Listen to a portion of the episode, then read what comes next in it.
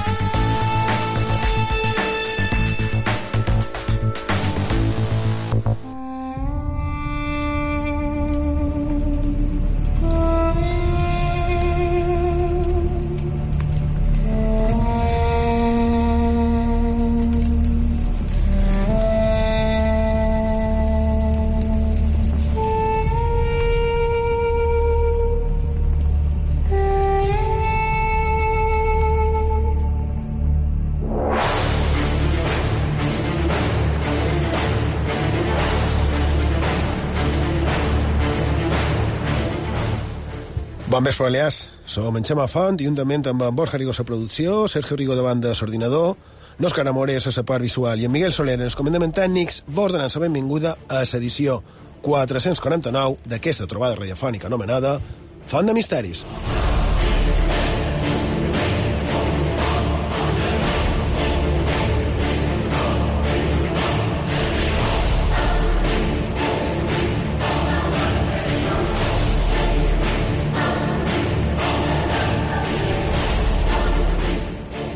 Bon vespre, Borja Rigó. Bon vespre. Sergio Rigó, bon vespre. Bon vespre, Xemà.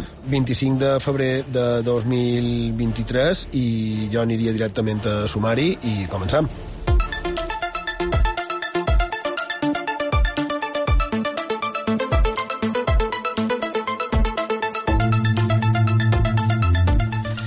I d'aquest programa 449 de Font de Misteris el començarem amb una notícia d'aquesta mateixa setmana. Sabíeu que tenim una nova venerable a Balears? És Francisca Alcover Morell i ara coneixerem la seva història.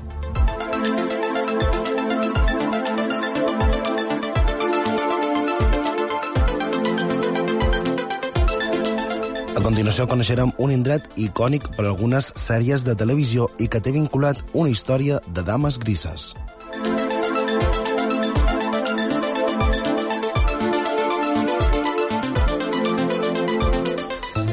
Per acabar, coneixerem més coses de John Dee, un matemàtic, astrònom, astròleg, ocultista i navegant molt, molt interessant.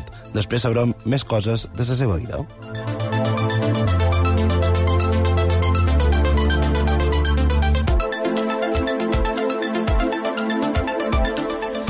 I recordem als nostres oients que mos podeu enviar tot allò que vulgueu en els nostres mitjans de contacte. Ho podeu fer, com sempre, per WhatsApp i Telegram. El número de telèfon és 659 769 52. Ho repetim, 659 769 52. També per correu electrònic, fontdemisteris arroba ib3radio.com fontdemisteris arroba ib3radio.com També mos podeu seguir a les xarxes socials. A Facebook i a Twitter ho podeu fer cercant Font de Misteris. També a Instagram, allà mos trobareu cercant Font de Misteris i B3. I si voleu podeu recuperar tots els nostres programes d'aquesta 11a temporada i de les anteriors. Ho podeu fer, com sempre, a la carta d'IV3 Ràdio, a ib3radio.com, a les diferents plataformes de podcast i a la nostra plana web, fontdemisteris.com.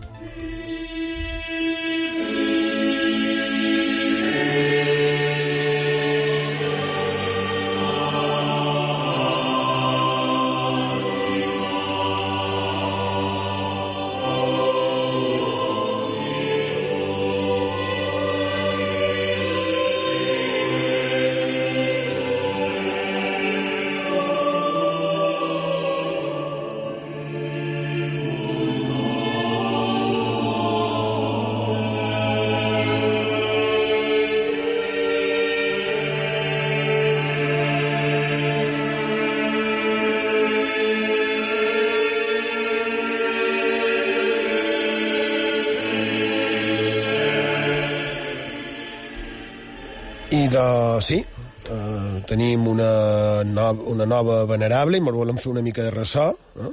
també per estar a sobre. I en això mm, se li pot donar la importància que cadascú vulgui, no?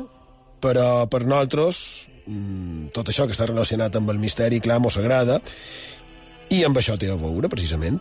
Ahir divendres es va fer públic que eh, el papa de Roma, el papa Francesc, ha reconegut com a virtuts heroiques les característiques d'Anna Franciscana Maria Alcover Morell i per aquest motiu l'han considerada com a venerable serventa de Déu.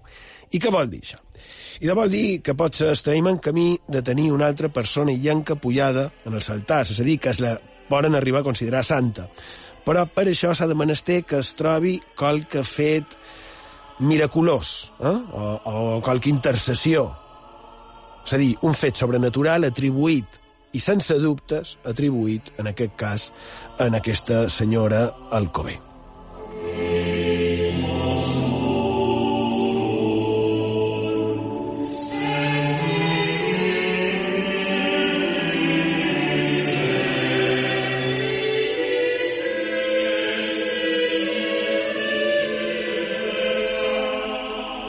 Ahir gairebé tots els mitjans de comunicació i llencs es varen fer ressò i, per exemple, els companys d'aquesta casa, d'IB3, eh, a web de notícies d'IB3, ib3.org, també ho varen dir.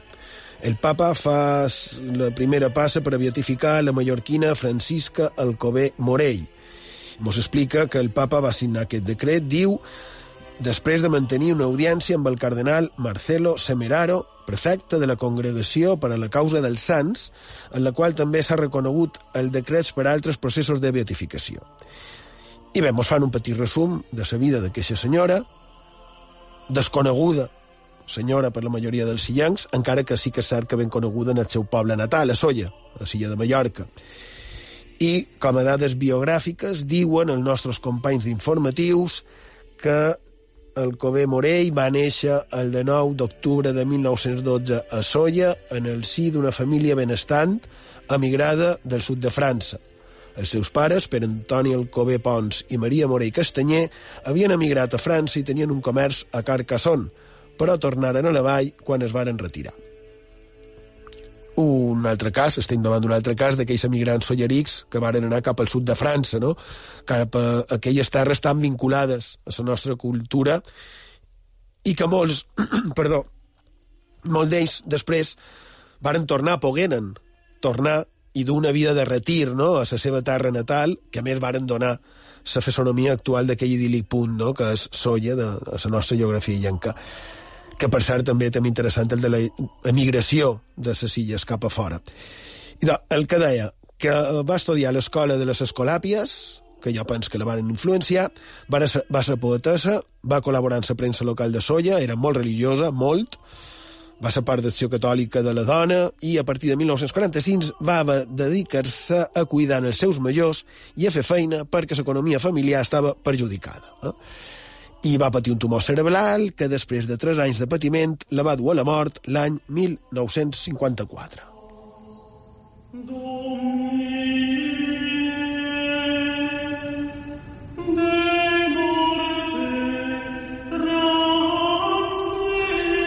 I després, al web div3.org mos expliquen com és el procés per arribar a Sant, així que ho agafaré d'ells, que serà més senzill i no me liaré tant. Diu, el camí cap a la santedat té diverses etapes. La primera és ser declarat venerable serf de Déu, la segona beat i la tercera sant. Venerable serf de Déu és el títol que es dona a una persona morta a la qual es reconeix, diu entre comates, haver viscut les virtuts de manera heroica. Segueix dient, perquè un venerable sigui beatificat és necessari que s'hagi produït un miracle a causa de la seva intercessió i perquè sigui canonitzat, fet sant, es precisa un segon miracle obrat per intercessió després de ser proclamat beat.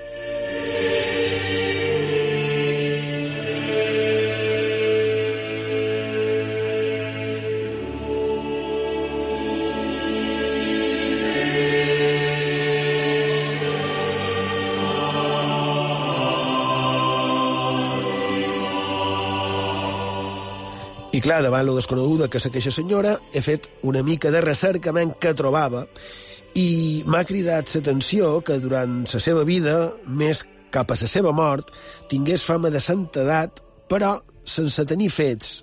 El manco no els ha trobat, perquè fins ahir no vàrem saber la vida d'aquesta senyora, i, i no ha trobat fet, diguem, que, que destacables, i que més, per exemple, tampoc era religiosa. Bé, era religiosa, però vull dir que era laica, eh? ho, deia per això. Mm, va presidir eh, la Joventut Femenina d'Acció Catòlica, eh? on feia, al igual que des de la premsa escrita de l'època, feia propaganda i, i divulgació no? de la religió catòlica. De Nina va ser, va representar el paper d'una de les valentes dones de Cantamany de Solla, i, i bé, durant la seva vida va ser amant de la nostra llengua i els nostres costums i tradicions, va tenir una vida que podríem dir còmoda i benestant fins a la crisi econòmica familiar, que se va veure greujada per la mort de son pare, que la va obligar a fer feina després d'això, no? d'una vida acomodada. Sí que diuen que quan pregava semblava entrar en èxtasi i ja hi havia qui en vida la considerava santa i aquesta fia benemèrita de Soia, perquè crec que és aquest el títol que té, fia benemèrita, i ja fa més de 40 anys que té un carrer en el seu municipi. I ella va morir, com he dit, després d'un tumor cerebral, el 10 de març de l'any 1954, i va ser conduïda en processó al cementiri de Soia, on va ser enterrada a la tomba 187. I pot després de la seva mort, ja hi ha, o així surt a premsa, ja hi havia iniciatives per retre-li homenatges, i ja després se va iniciar aquest procés de beatificació que va començar dia 3 d'octubre del 97, Panteador Úbeda, i va concloure el 30 de desembre de l'any 2006, que és quan se va dur la documentació i la informació que tenien damunt d'ella a Roma. I després dir que, referit a les seves restes, l'any 99, la van traslladar a la capella del nom de Jesús de l'església parroquial de Sant Bartomeu de Solla i crec, Borja Rigo, això és interessant, perquè crec que està eh, just de vora d'un quadre del Sant Crist del Noguer i el tenen a, a Solla i, i no he vist la vinculació si és que s'està fent referència en el Sant Crist del Noguer de la llegenda de la ciutat de Palma, no ho sé. Crec que fins ara mos està demanant que trasquem... Clar, un dia no ha hagut gaire temps, però trasquem molt més profundament a les arrels, no? Ja, ja que ha fet referència a un arbre, perquè promet. Sí, la veritat és que, és que sí, i és vera que és molt desconeguda, com, com he dit, a les illes, però no a Solla. Uh, fa dos anys, per exemple, en el jardí del Fossà de l'església parroquial li, li varen dedicar la font que hi havia a la seva casa i la varen traslladar allà, que per cert té un baix, un baix relleu de, de l'escultora na, na Remigia Caubet.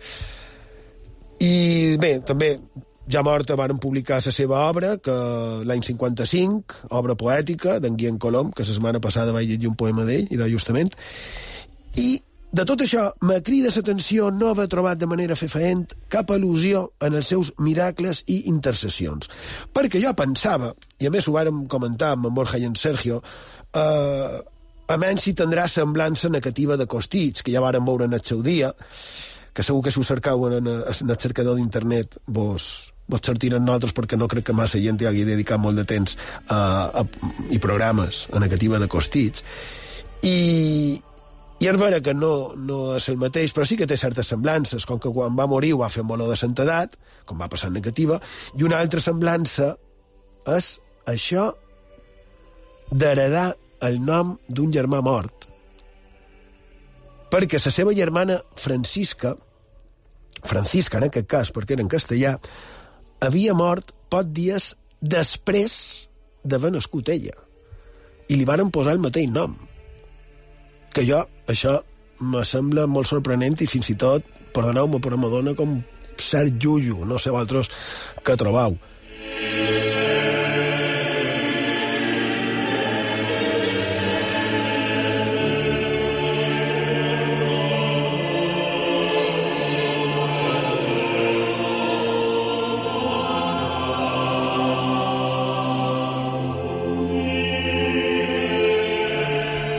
Ara estàvem comentant entre nosaltres, en, en Dalí, ell deia que una de les coses que li havien marcat a la seva vida va ser que li donassin el, el nom d'un germà mort. Clar, en aquest cas, que és el que ara comentaven tu, Sergio, el tema és que li varen posar el nom quan era ja era nata de la seva germana que va morir quan era ja havia nascuda.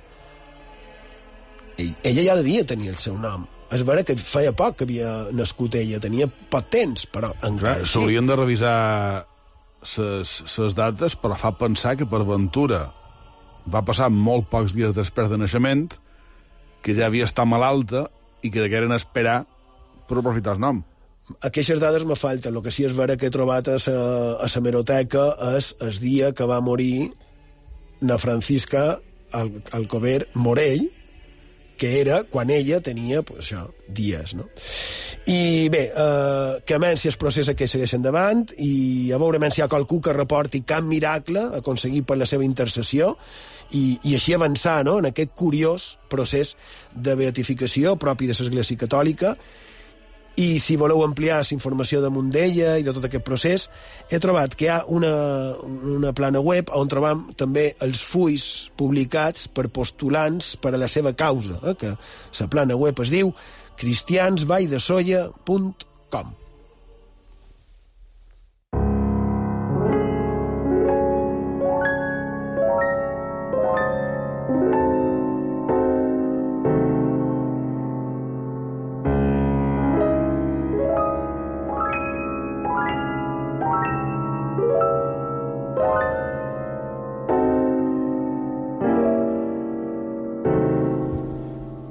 I de, anem a canviar de tema. Sergio Rigo, cap a on li pegaràs? I d'avui, Xema Borja, volem parlar d'un joc màgic que perfectament mos podríem trobar aquí a Balears, sobretot per la història que amaga. Aquest joc és icònic per als aficionats de sèries com Joc de Trons o pel·lícules com a Transformers. Se diu The Dark Hedges i es troba a Irlanda del Nord. Els arbres van ser plantats per la família Stuart en el segle XVIII per impressionar els visitants perquè aquest fosc camí condueix a una mansió. Es menciona una llegenda que conta com el fantasma d'una dama gris s'apareix als vespres i desapareix just quan passa pel darrer dels arbres. Per alguns, aquella dama és la difunta criada d'una finca del costat, però també se diu que l'esperit que és l'esperit errant d'un cementeri desconegut. Se diu també que les nits de Halloween que les tombes oblidades s'obrin i aquesta dama gris s'uneix en el paisatge, amb les ànimes que van estar enterrades en el seu costat han dit que aquest escenari està protagonista de Joc de Trons, i de durant l'enregistrament d'aquesta sèrie, un membre de l'equip va fer una foto estranya on se veia una espècie d'ectoplasma i va ser notícia a molt de mitjans.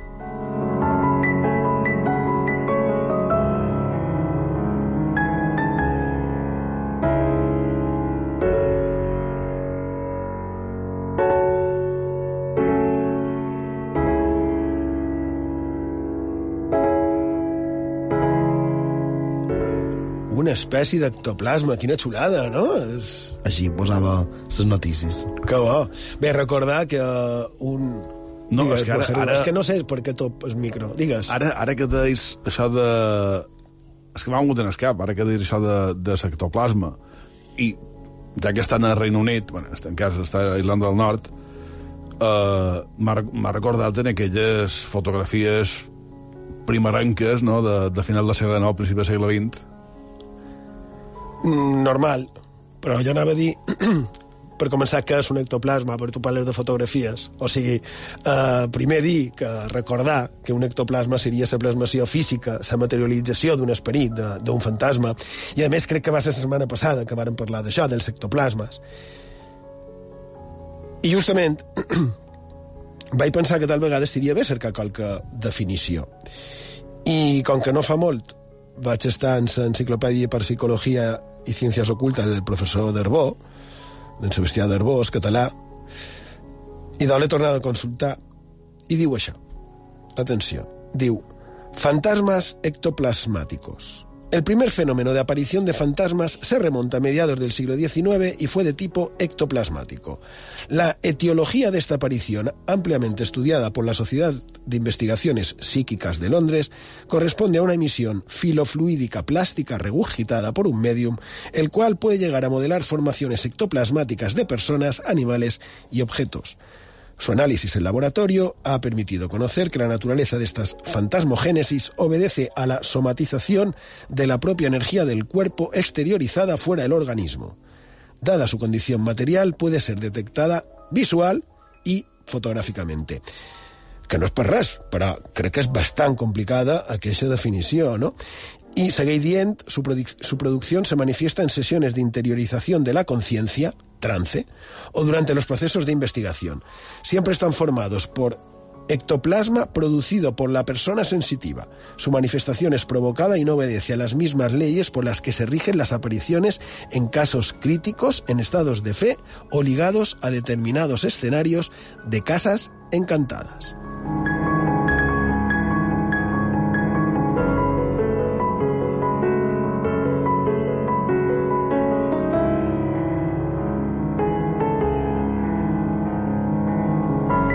Que crec que és una definició ben entrevessada, però és que n'he trobat una altra que ho és encara més, i, i és, és un altre que he trobat eh, a un altre apartat, és l'apartat de Mente i Matèria d'aquest mateix llibre, d'aquesta mateixa enciclopèdia, y diu, producción de fantasmas. Dentro de este apartado existen tres fenómenos con cierto paralelismo.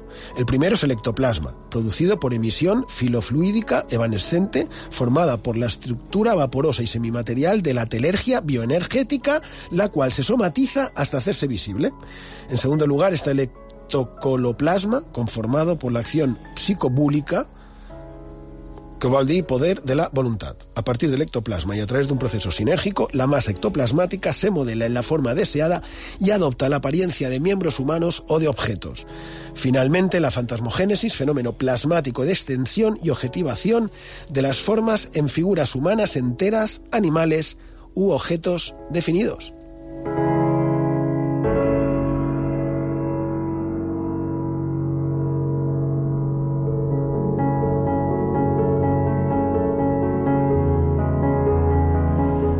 Ho has de repetir amb una patata dins la boca. Sí, l'únic que me falta, o en Sergio en sabeu que té. Uh, que jo també estic més maco com tu. Que bé, tot això, que vaya manera de definir-ho, no? I de l'Acadèmia de la Llengua Espanyola, davant de sectoplasma, parla directament d'emanació visible del cos de la mèdium, directament, no?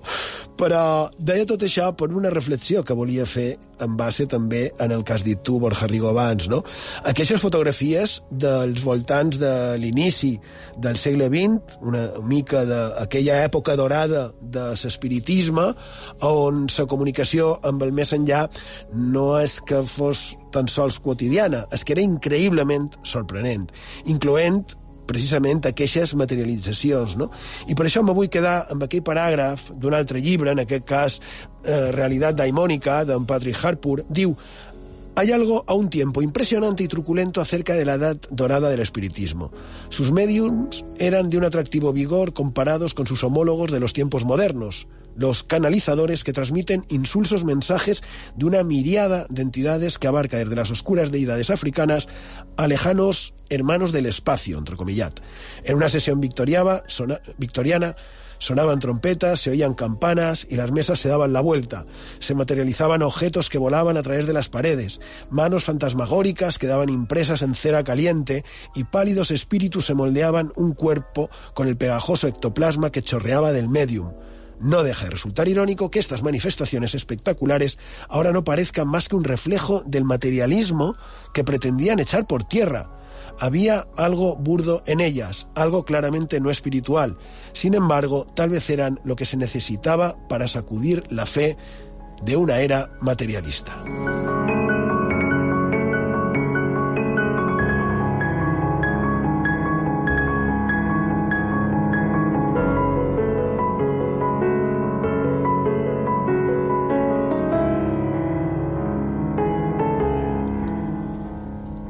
I com així, i jo crec que aquesta seria la pregunta, com així a dia d'avui no hi ha imatges de sessions com aquelles, no? No ho sé, és una pregunta que, que faig en veu alta. És un tema, ja dic, que ben interessant i, i que autors de renom, com Arthur Conan Doyle, va tractar, per exemple, en, en el seu Història de l'Espiritismo, on ens parla de, de l'ectoplasma com a ideoplasma. Eh? I que deia que podria no ser visible per als comuns dels mortals, però sí per als mèdiums, pels vidents, pels sensibles, tota aquesta gent, i també per la càmera fotogràfica, que seria el que ha donat peu a parlar, a parlar de, de tot això, no?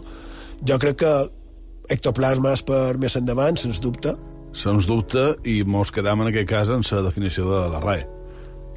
Sí, jo crec si, que sí. Si, si poden triar. Sí, ara que ho digues, també podria haver dit ectoplasma és emanació visible del cor de la mèdium i, i ja és. No, però no, ectoplasma és per un altre dia perquè és veritat. Crec que ho vàrem estar comentant eh, setmana passada en Helen Duncan. Bé, i tornant en el que deies, Sergio Rigo, fantasmes a ses notícies, no? Notícies que parlen de fantasmogènesis o de presències de fantasmes tampoc és tan, tan estrany. I efectivament és possible que una notícia de suposats fantasmes sigui també notícia avui en dia. I de sí, a Diari de Mallorca, el 2010, per exemple, podien llegir aquesta curiosa crònica. Fenómenos paranormales sacudieron el pasado domingo las autopistas de la isla. Sobre las 11 de la noche, las centralitas de la policía de Palma recibieron varias llamadas que alertaban sobre una mujer que iba caminando por la autopista de Serenal, a la altura de Campastilla. Descalza y misteriosa, como la chica del disco bar que cantaban los ilegales, los conductores que la habían visto se habían llevado un buen susto e insistían en que corría serio peligro de ser atropellada. Varios coches patrullas acudieron hacia allí con urgencia y recorrieron varias veces el tramo de la autopista, pero no hallaron ni rastro de la chica. Estás algo asustado y no sabes qué pensar porque ella desapareció.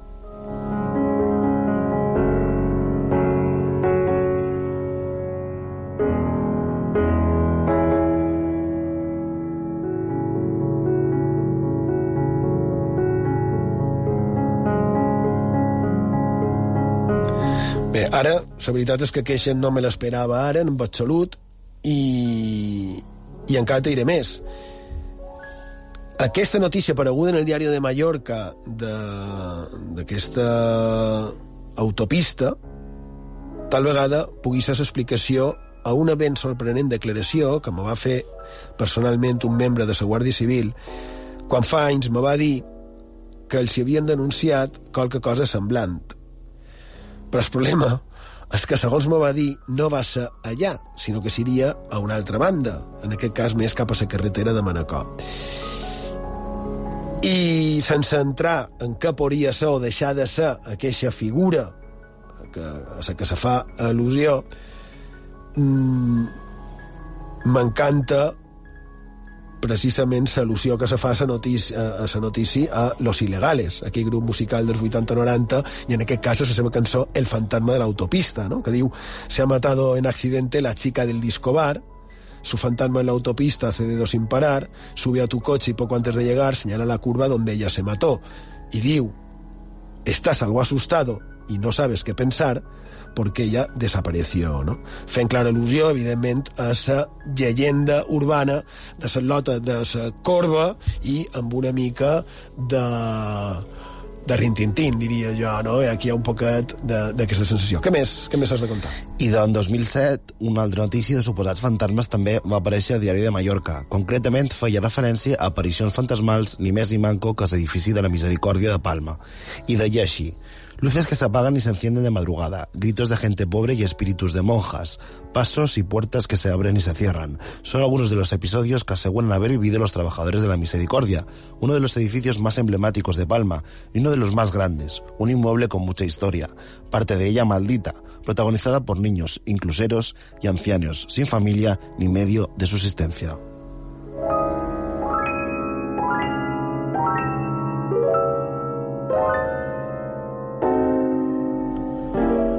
Nosotras no creemos en fantasmas y hemos visto ninguno, pero en la misericordia se vieron situaciones no muy desagradables tiempo atrás, y quizá haya una energía que se manifiesta en forma de sonidos, señalan Pepita Matas y Carmen Rojas, que han trabajado durante seis años en una de las salas de la Misericordia, en la misma en la que se ensaya el coro infantil del teatro principal.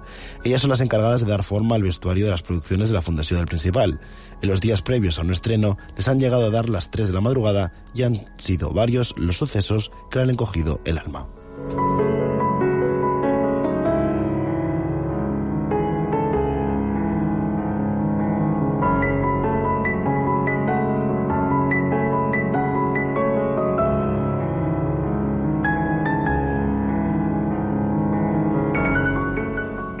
Bé, i damunt d'aquest altre que has dit, Sergio Rigo, la de la Misericòrdia, poc, poc que afegir, no? És, és un edifici majestuós, un edifici que si realment existeixen aquestes coses del més enllà i de, ho reuneix tot per ser considerat un lloc amb, com va declarar una d'aquestes senyores eh, aquestes treballadores un lloc amb energia no? I és que la veritat és que sí, reuneix molta cosa en, en tan pocs metres, que són molt de metres, però relativament pocs, per estat tanta cosa, no? Hospici, hospital, església, eh, manicomi, eh, el que a dia d'avui és un hospital psiquiàtric, cementiri, eh, orfenat, i clar, entre això i les suggestions, i d'això convida a pensar que poden passar coses.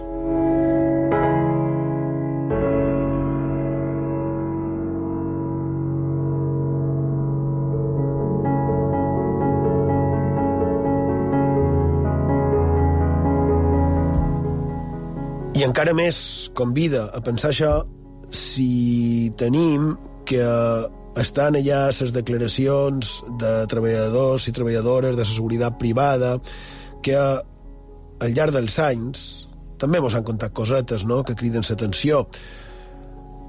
Així que sí, per imaginar i, i creure eh, és un bon indret, sens dubte, sens dubte.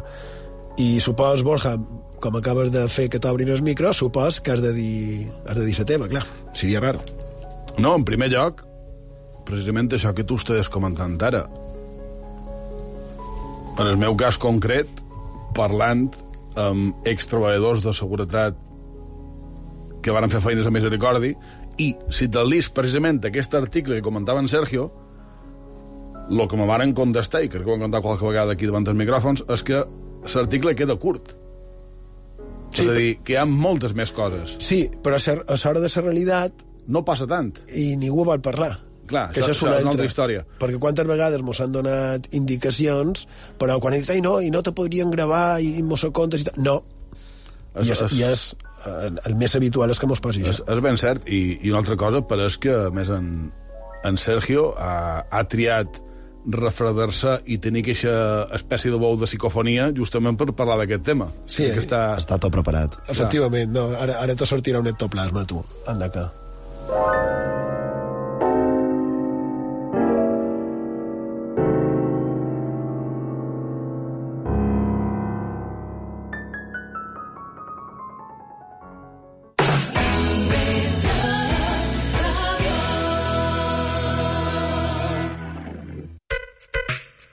hi ha molta gent jove que surt. La qualitat és molt bona. S'ha obert molt el ventall d'estils. Abans, el que xerraven abans, hi havia pop rock, heavy, i ja està. Els músics i els seus ecos. Ara mesclem més electrònica, folk... Hi ha de tot. Hi ha de tot. I molt. A més, jo sempre ho he dit, un dels baremos és estendre de música. Diorama. Si s'estendre de música hi ha moviment, que veus que reposen guitarres, que tal, això vol dir que els grups estan cresquent a tope. De dilluns a dijous, de 10 a 11 del vespre. Amb Mònica Borràs. Aquest diumenge, des de les 12 i fins les 4 i mitja, viu la primera federació i la segona divisió de futbol a Esports 3 en joc. L'Atlètic Balears i l'Udivissa afronten una nova jornada d'urgències. A les 12, l'equip blanc-i-blau no pot fallar davant la Morevieta. I a les dues, la U d'Eivissa s'ha de retrobar la victòria davant l'Osca per continuar somiant amb la permanència. Diumenge, duels per la salvació a IB3 Ràdio.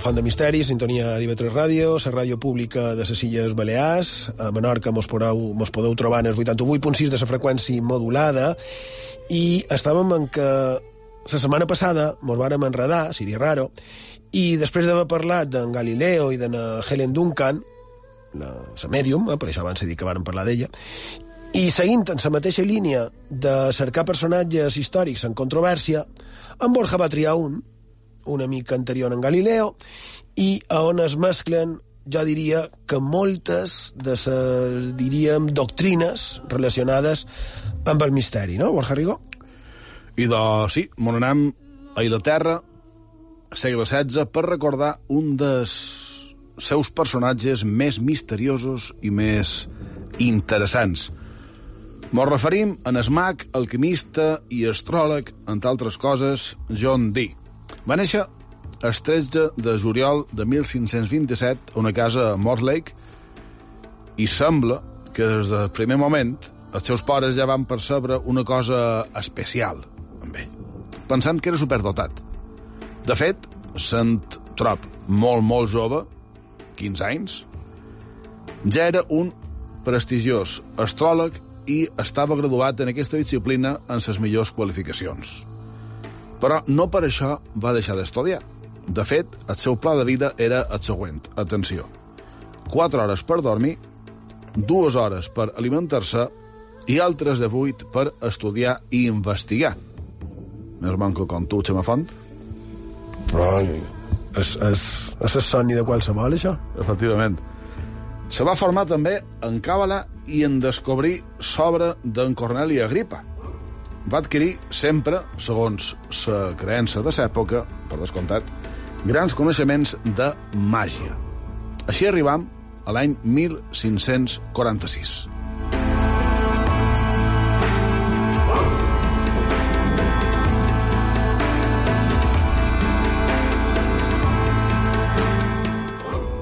A més, va ser admès com a primer alumne en el Trinity College. En aquells dies, les seves lectures favorites, això també és bastant curiós, se centren en Ramon Llull, Homer i Paracels, entre altres autors. Però aquest any va succeir cosa estranya. En John, d'una banda, va decidir abandonar els estudis, s'entén que de manera oficial.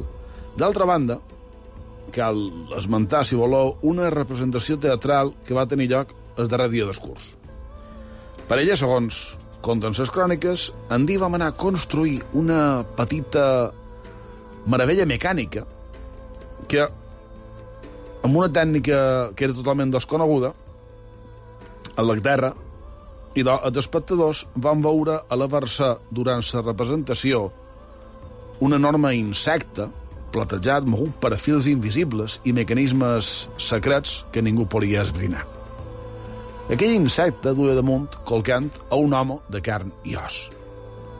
Després d'aquella aparició considerada diabòlica, Andy va escapar pels pals d'una acusació de bruixeria en tota regla i va aprofitar per respondre una invitació feta pel cèlebre astrònom i geògraf en Mercator, que li convidava a anar a la Universitat de Lovaina, una font, a l'època, inesgotable de, de saber.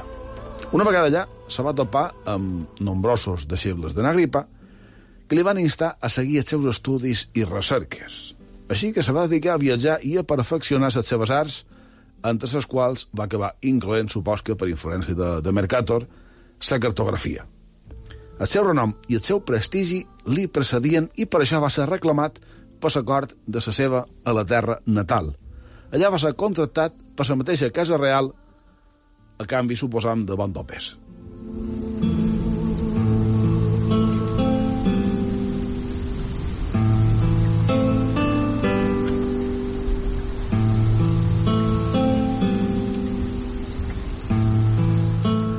Crec que estareu d'acord en que no deixa de ser curiós aquest fet, crec, perquè ja de fa moment havia fugit literalment d'aquest país. Sigui com sigui, a partir de la dècada de 1550, fins i tot se va convertir en astròleg personal de la reina Isabel I. En dir fins i tot, en vida va ser considerat com una persona certament estranya. Se diu d'ell, per exemple, que va realitzar un encanteri per protegir l'armada britànica del seu conflicte amb els espanyols. D'altra banda, va inventar i va desenvolupar una espècie de llenguatge o un sistema de comunicació per conversar amb els àngels. És conegut com a Enoquia. A més, per dur a terme, per realitzar la feina d'aquesta mística i màgica, emprava diversos objectes, entre els quals poden destacar, per exemple, un. Se tracta o se tractaria d'un mirall d'obsidiana que va seduït des de Mèxic fins a les seves mans. Per lo que sembla, era un dispositiu, un mecanisme, que els bruixots asteques empraven en els seus rituals i el qual, per si sol, feia que sortís un estrany poder. Què tipus d'objectes són populars a l'art de, de l'endevinació? Se diu que Nostradamus també en tenia un, i d'acord a segons quines versions. Els àngels que transmetien informació a Nandí i a en Kelly se feien presents gràcies a la superfície d'aquest mirall d'obsidiana. Dins la cultura asteca, la peça s'associava, menys a dir, a Tezcaltipoca, el mirall fumejant, deïtat de la nit i de la foscor, i qui formava part dels quatre déus creadors figures d'enorme rellevància a la cosmovisió d'aquesta societat.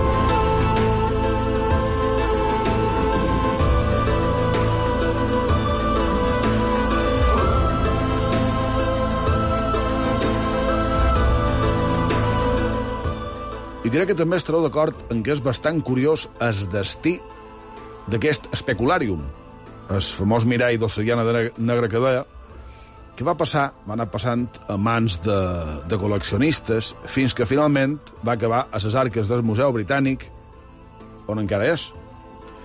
Per si no fos poc, a més de tots els temes màgics que va abordar en vida, en John Dee també va tenir embolics, podríem dir, carnals.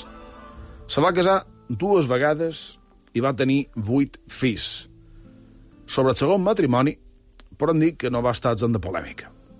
Segons sembla, en el costat del seu amic, l'ocultista Edward Kelly, que ara el citava quan parlava de Los Àngels, i doncs resulta que van conversar fent ús d'aquest llenguatge inventat de Sanoquià amb una entitat angelical, un tal Uriel,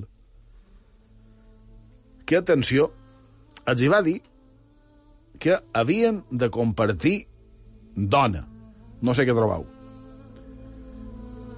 Andy, malgrat això, moriria l'any 1608 duent-se a sa tomba una infinitat d'enigmes i de misteris, crec que molt d'ells per resoldre encara, i, si voleu ràpidament, d'entre les seves obres poden destacar, per exemple, la mònada jeroglífica, l'heptarquia mística, o, si voleu, també els tres volums de Mysterium Liber.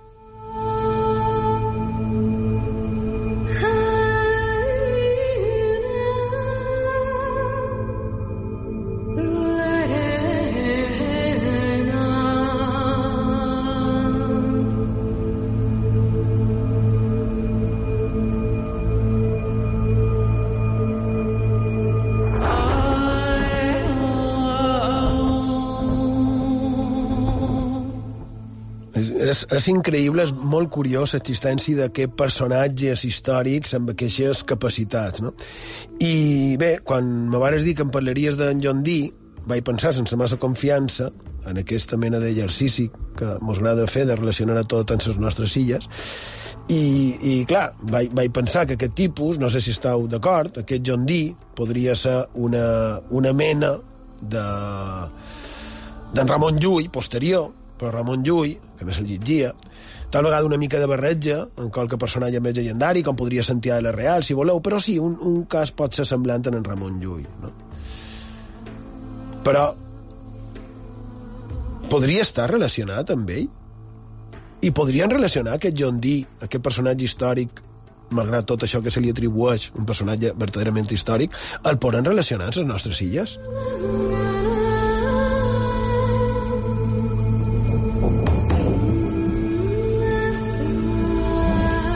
I de resulta que, com a mínim, l'any 1588, en Giordano Bruno, que diumenge passat es varen complir 423 anys de la seva mort, que va ser cremat per heretge i que el va citar Borja Rigo, i de va coincidir a l'ambaixada espanyola a Praga quan l'ambaixador era un tal Guillem Sant Climent i de Centelles. I de, en Bruno va coincidir allà amb en John Dee. I per què dic això? I d'ara veureu la relació.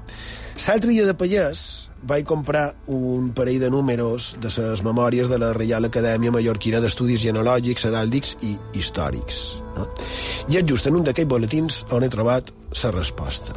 És un article signat pel doctor en Geografia i Història, Pedro de Montaner Alonso, ho va publicar en el número 27 de l'any 2017, on mos conta una mica la vida d'aquest ambaixador, d'en Guillem Sant Climent, que era molt conegut a les illes. A part de tot, era nebot de, de Frederic de Sant Climent, que era governador de Menorca i que estava casat també amb una mallorquina. I aquest Guillem de Sant Climent havia pujat molt en el món de la diplomàcia. Es va fer amic d'un ric conseller i dels conseller, però dels més propers, d'en Rodolf II, que era, en aquell temps, emperador del Sacre Imperi Romà Germànic i arxiduc d'Àustria. És a dir, que era un Habsburg. Però la relació, que també però no ho relacionaré amb l'arxiduc Lluís Salvador, eh, encara que estigui relacionat. El cas és que aquest es fa amic de Miklos Palfi Ab Erdot, eh? aquest conseller tan proper a l'emperador que li anava demanant favors. Però el que m'ha cridat molt l'atenció a l'escrit del doctor Pedro de Montaner és això. Diu, Llegado el momento, Miklo supo granjearse un buen patrimonio casándose con Magdalena Fugger de la famosa familia de grandes banqueros del imperio. Aparte sus méritos militares, dejó una fama tan aterradora que en Hungría, todavía en torno a 1643, su fantasma era frecuente objeto de exorcismos en torno a 1643 y había fallecido en 1600. Con el tiempo había llegado a destacar como gran estratega en la guerra con los turcos y a ser considerado héroe de Gior, junto con el, conde Ferenc Nadansky, húngaro como él y amigo suyo de la infancia, que murió de modo misterioso en la batalla de Sarbar, 1604. Oficialmente un glorioso paladín, su viuda, en cambio, quedó en los anales como todo lo contrario.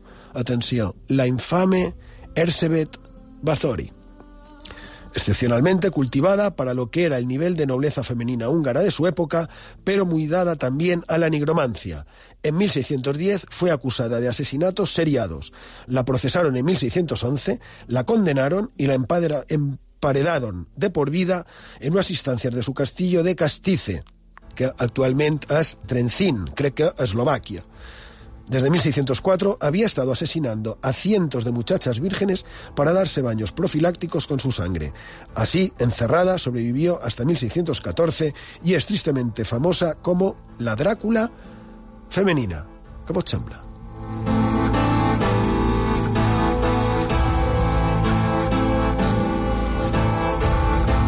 Farest, el cas d'aquesta dona que me recorda en, en Gils de Reis, del que vàrem parlar fa, no sé, una quarantena de programes.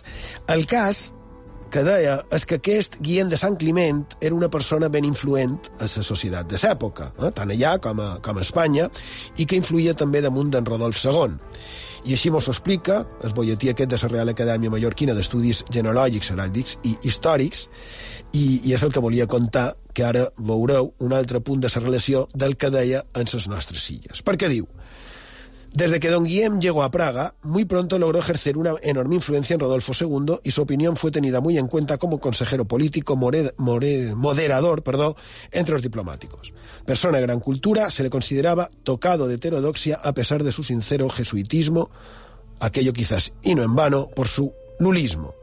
Un, aspecto interesante y particularmente inquietante del intelecto de Don Guillem lo constituye el porqué de su relación con el cuestionable cabalista y exorcista inglés John Dee. Él le proporcionó el acceso a la corte imperial, donde fue acogido con mucho interés por el culto melancólico y políglota Rodolfo II.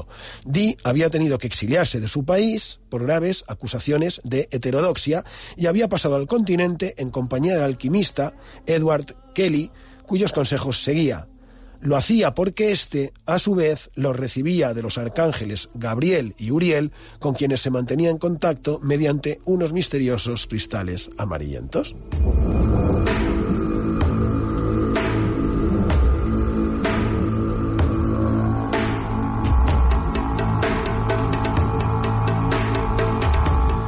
Quasi res. Eh? Recordem que la Inquisició en aquella època estava ben activa. Abans he citat en Giordano Bruno, però clar, aquest John Dee era tot un curiós personatge, no? És cert que té una part científica, que no s'ha de deixar de costar, i que probablement per entendre bé la seva figura s'ha de fer en conjunt, no? Uh, no se pot aïllar. Però, clar, ell podria ser molt capdalt, però el perill podrien ser les amistats, les influències, com aquest Kelly. Es innegable que a todas luces su íntima amistad con Kelly era una mala compañía para él a los ojos de los ortodoxos. Era un impostor que engañaba a su piadoso maestro, a Sedí. En Kelly engañaba a John Dee, pero la propia naturaleza del fraude nos muestra cuán versados eran ambos en magia renacentista. Tras un largo viaje llegaron a Cracovia. A poco de hacerlo se metieron en tales líos de diversa índole que optaron por marcharse y pasar a Bohemia. Allí esperaban ser mejor acogidos en la esotérica corte Rodolfo II. No en vano, Dee ya había dedicado años atrás a su tratado cabalístico, Monas hieroglífica, a Maximiliano II, y ahora los arcángeles de Kelly profetizaban que pronto la Casa de Habsburgo gobernaría el planeta.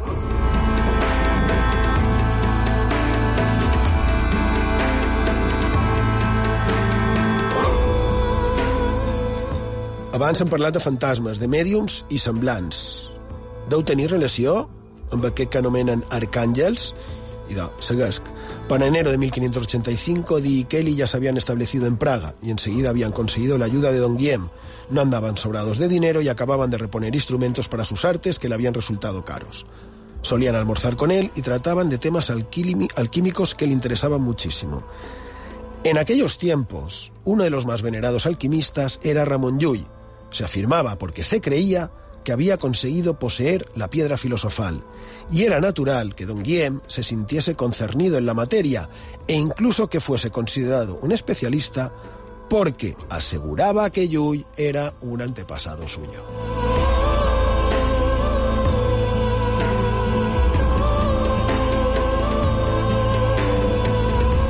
És que és brutal, perquè, segons això, tenim que John Dee no és que s'interessés pel Llull alquimista. És que, a més, s'hauria fet amic i protegit per un poderós, per un noble, per un influent que suposadament seria descendent d'en Llull.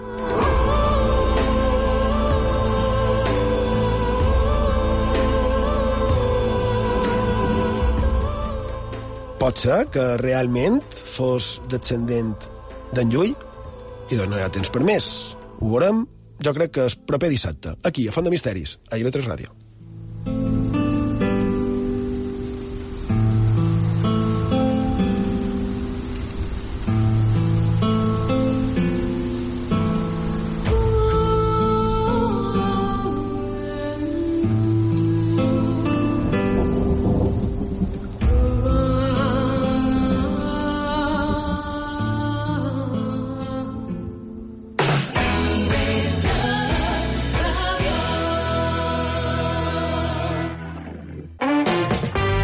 Dissabte i diumenge entra en òrbita. Òrbita 3. 3. Punxant la banda sonora del cap de setmana, aquí, a IB3 Ràdio. Dissabte i diumenge, Òrbita 3 amb Tito Fuster. Dissabte i diumenge, la informació continua actualitzada a les 8 del matí i a les 2 del migdia als informatius cap de setmana de la ràdio pública. IB3 Ràdio. Serveis informatius.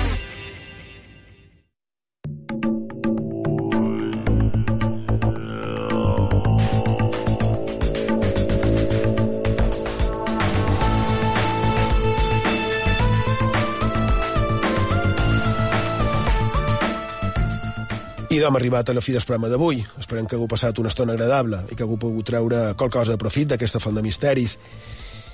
I bé, jo crec que una cosa comuna a tots el que han fet i feim font de misteris, ni millor ni pitjor, però és que mos agrada ni molt, els llibres, i a més els llibres en paper. No fa molt vaig estar en el meu cau amb un, amb un company i comentàvem damunt dels llibres com a tal, no? Perquè, clar, els llibres ocupen espai, s'ompleixen de pols, pesen molt, segons com són cars, etc etc. I jo sense cap pretensió de convèncer ningú, perquè ja fa temps que no intent convèncer de res a ningú.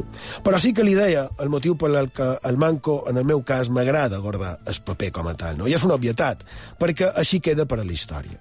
Si jo tenc un llibre ja imprès, tenc una mostra del que en un moment determinat s'ha fet. No? I jo parlava d'això i al cap de pocs dies va sortir la notícia, una notícia d'aquelles que sonen entre ridícules, exagerades o publicitàries, no ho sé però des del meu punt de vista, sens dubte que absurda. La pretensió o la realitat de l'editorial i dels hereus d'en Roald Dahl de modificar els seus llibres per evitar que siguin ofensius, eh? canviant paraules, canviant frases i fins i tot afegint-ne. No? Soc lector, tenc llibertat, puc triar. Si canvieu els textos, ja no seran el d'en Roald Dahl. S'assemblarà, serà una versió el que vulgueu, però no serà la seva obra. Que t'agradarà més o manco, que tant se fa, perquè hi ha milions d'obres per triar, no? I, i que cadascú escuesqui, la que més li agradi, la que més li convengui. Però modificar una obra per tal de fer-la més adequada en el temps actual, o les directrius de no sé qui ni per què, i d'això, que no és la seva obra, i modificar-la amb pretensió d'adequar-la a segons quins criteris, crec que té un nom, i és censurar. I aquí som. La seva editorial, l'Estat espanyol, sembla que també ho té clar. Diu, siempre hemos defendido la literatura infantil y juvenil y publicado libros sin atender ningún tipo de censura, con independencia de las modas y circunstancias del momento. Editamos libros sin complejos atemporales, que no subestiman al lector. Nos enorgullecemos de ello porque el oficio de editor solo se puede entender desde el respeto a los lectores y autores y desde la honradez con las historias que nos confían y decidimos publicar. Ya hemos transmitido, por tanto, dice editorial, a sus agentes que no vamos a adaptar los libros de Roald Dahl y como siempre hemos hecho desde aquel lejano de 1978, os seguiremos invitando a disfrutar con sus libros y con la buena literatura infantil i juvenil. I és que, en aquest cas, és aquest autor, però clar, si començam a modificar per fer més correcte segons quines obres, no vull ni pensar la feinada que hi haurà per adequar a un Bukowski, per exemple. I sí, pot ser que, com sempre, m'he anat a un extrem, però un altre exemple, per exemple, La conjura de los necios. Vos imagineu? Clar que són més per adults. Anem a qualcun altre, les nostres rondalles, qualsevol de les nostres rondalles illenques, o alguna altra internacional i simbòlica. Si en el petit príncep volem que la cep groga no mati en 30 segons, o si li llevan les espines de la flor, la història no serà la mateixa. Així que crec que poc més que afegir. Bé, sí, una altra cosa que afegir, que mos estem passant de frenada, que la solució no és destruir, ni cremar, ni adequar en base a no sé quins criteris. Tal vegada el que s'ha de fer és seleccionar millor el que un llegeix i com ho interpreta, no? I dit això, ja vos adelant que els llibres que tinc a la, meva, biblioteca no faig cap comptes modificar-los. I m'encantaria, m'encantaria que tota aquesta publicitat que s'està fent eh, a la lectura pogués servir, no? precisament per això, per fer que la gent llegís més, no? Una miqueta el que se reclama a Fahrenheit 451 però la veritat és que tenc molt poca confiança. I per acomiadar-nos, ja que he citat el Petit Príncep i de Manu Guix, el Petit Príncep. Allí, Pau, bona nit. Gràcies per la vostra companyia i fins demà. Tens ganes de viure una experiència increïble i poder explicar-la a tothom. Agafa'm la mà, que et portaré a les estrelles aquesta és la història d'un príncep petit que és més gran del que esperes. Vivia solet en un petit asteroide i mirava les postes de sol. Tenia una amiga, una rosa presumida, però un dia va voler aixecar el vol. Volia viatjar per aprendre a estimar-la Sovint cal marxar per trobar a faltar el que deixes a casa. I el petit príncep volant va descobrint el món i són els amics de ritme de cançons